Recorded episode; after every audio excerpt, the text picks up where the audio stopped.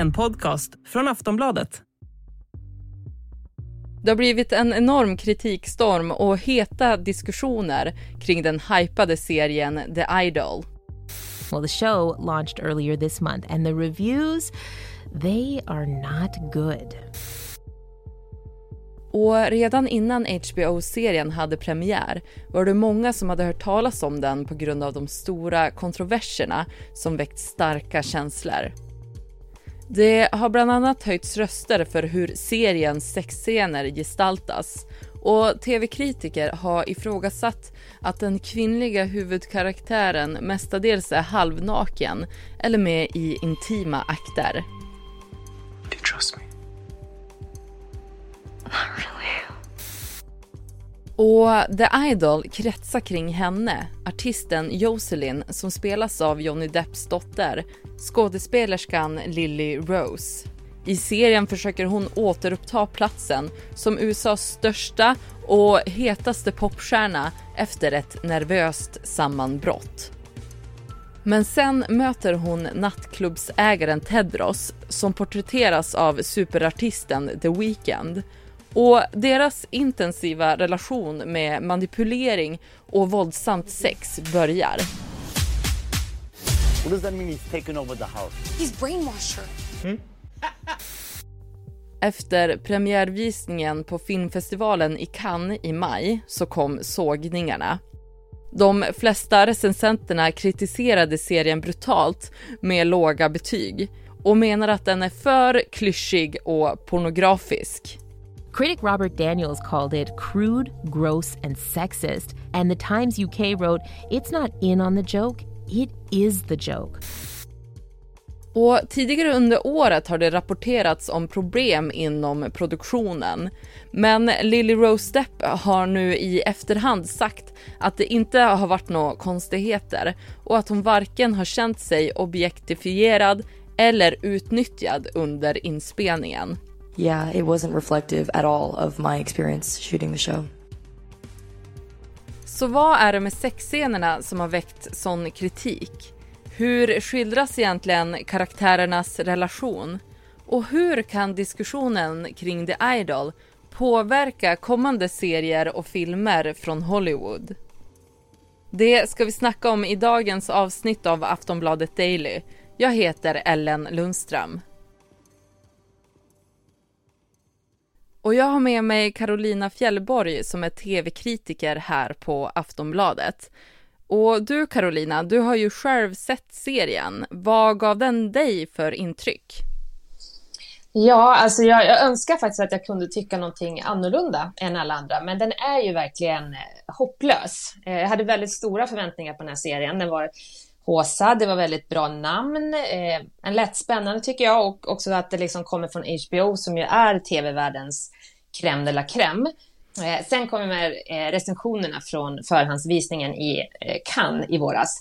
Och då började man ju inse att det här var en serie med problem. Eh, HBO skickade inte heller ut några förhandstittar till recensenter, vilket ju liksom är standard annars. Eh, men jag blev ändå lite förvånad över liksom vilket totalt misslyckande den faktiskt blev. Den anstränger sig oerhört mycket för att chockera, men den är ju den är ju verkligen bara chockerande dålig. Den är forcerad, tråkig, känns porrskadad skulle jag säga snarare än sexig. Och Abel The Weekend Tesfaye då, som gör den manliga huvudrollen, det är ju faktiskt en, det är en oerhört dålig insats av honom. Det är en roll han inte klarar av alls. Den hade krävt en betydligt bättre skådis. Ja, han spelar ju då Ted Ross eh, mot då Jocelyn och de får ju då ett eh, förhållande och Jocelyn spelas då av Lily Rose Depp. Hur skulle du beskriva deras förhållande i serien?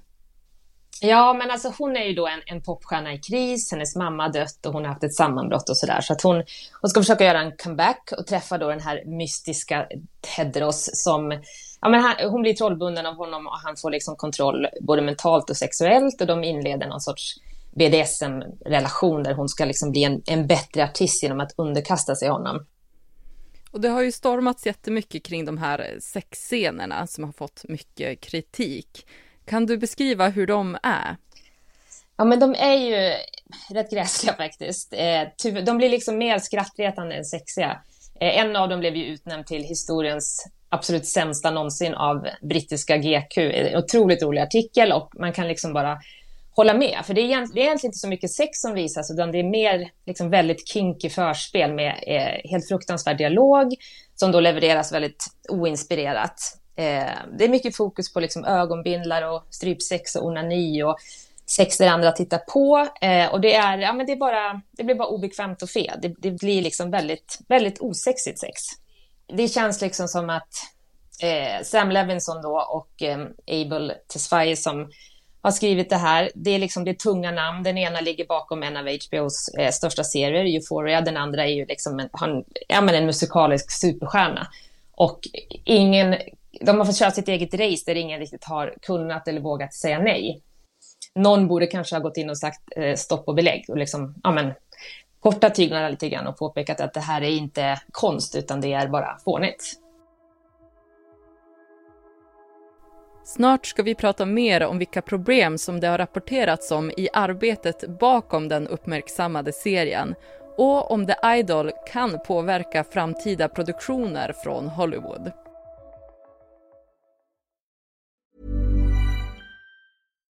Millions of people have lost weight with personalized plans from Noom.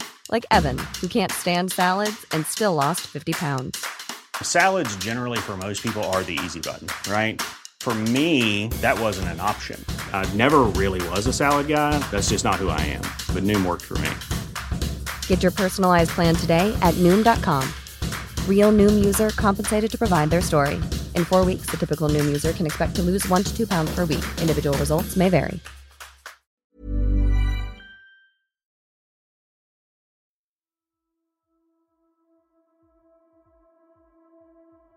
Serien The Idols produktion har varit igång under flera år och det verkar inte ha varit en jättesmärtfri process.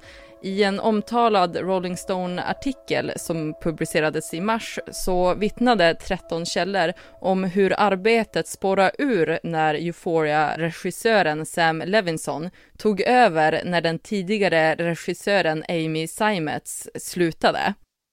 Kan du berätta mer om det, Carolina? Ja, men de här källorna hävdar liksom att, att serien, produktionen blev en, en shitshow verkligen.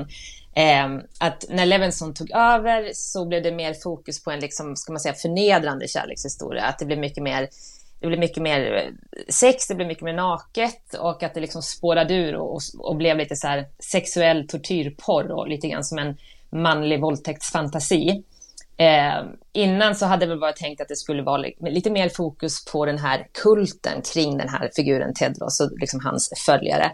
Men det, det, var tänkt från början att det skulle bli någon sorts satir, men de här personerna som jobbade menar liksom att istället så blev det, vad ska man säga, ja, istället för att vara en satir så blev det precis det som det skulle vara en satir över. Och det kan man ju hålla med om när man sen har sett det färdiga resultatet. Det känns ju som att någonstans så gick, så gick den initiala tanken liksom förlorad. Den vart ju uppmärksammad innan den hade haft eh, premiär. Hur har den sen välkomnats av de som har sett den? Ja, men man kan väl lugnt säga att det är ju eh, egentligen HBOs sämst mottagna serie någonsin. Han har extremt låga genomsnittsbetyg på recensionssajter som ja, Rotten Tomatoes och Metacritic och sådär. Eh, sen finns det väl någon där som var lite positiv i början. Jag vet att det var en, en brittisk tidning som gav den 4 plus till exempel. Men det var ju också just baserat på liksom precis inledande avsnittet. Eh, men det är svårt att tycka någonting annat faktiskt, även om man skulle vilja. Det är en, en, en papperstunn story helt enkelt. Och ja, men det, det blir, den blir mer parodisk än vad den är eh, vass eller sexig eller provokativ. Och hur har HBO och skaparna av serien svarat på kritiken som har kommit?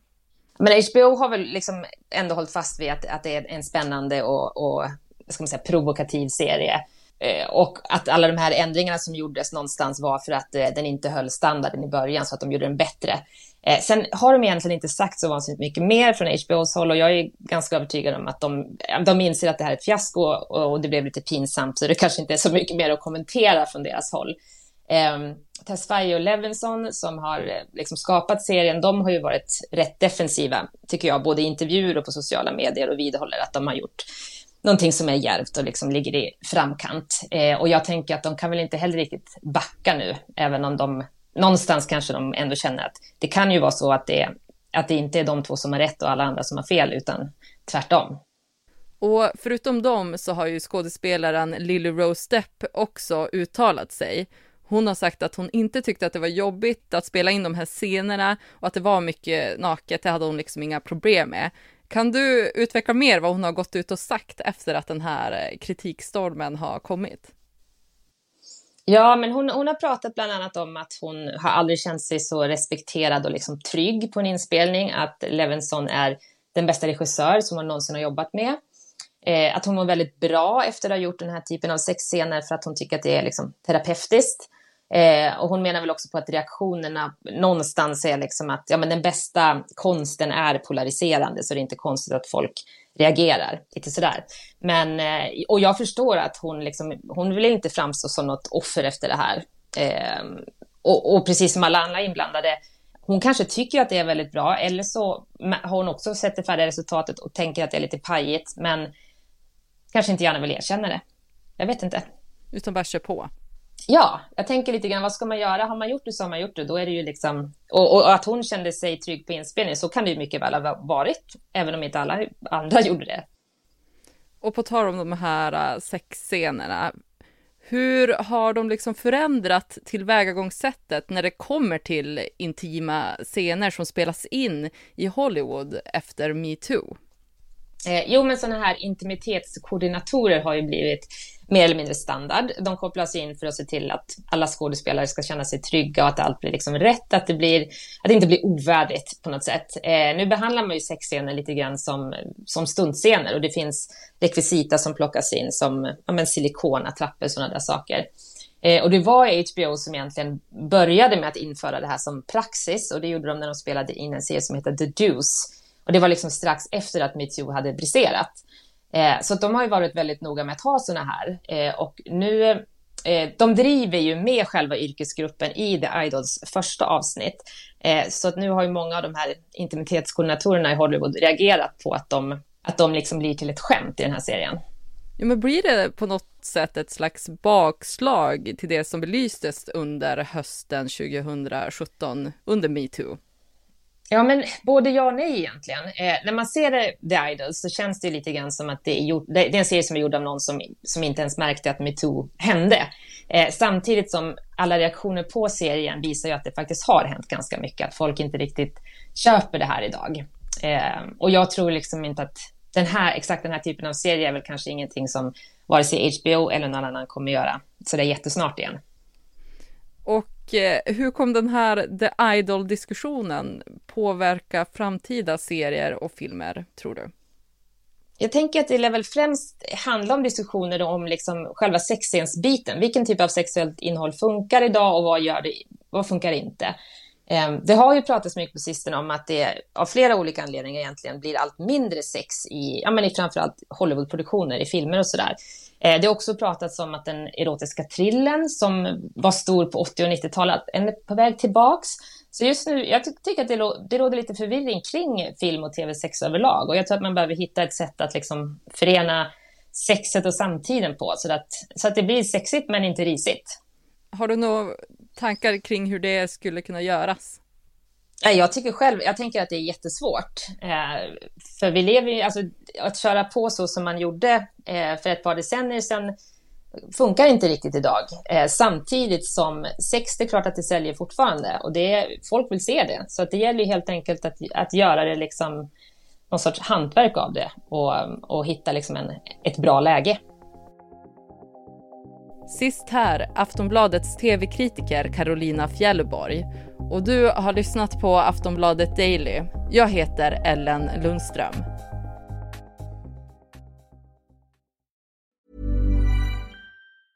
A lot can happen in three years, like a chatbot may be your new best friend. But what won't change? Needing health insurance. United Healthcare Tri Term Medical Plans, underwritten by Golden Rule Insurance Company, offer flexible, budget friendly coverage that lasts nearly three years in some states. Learn more at uh1.com.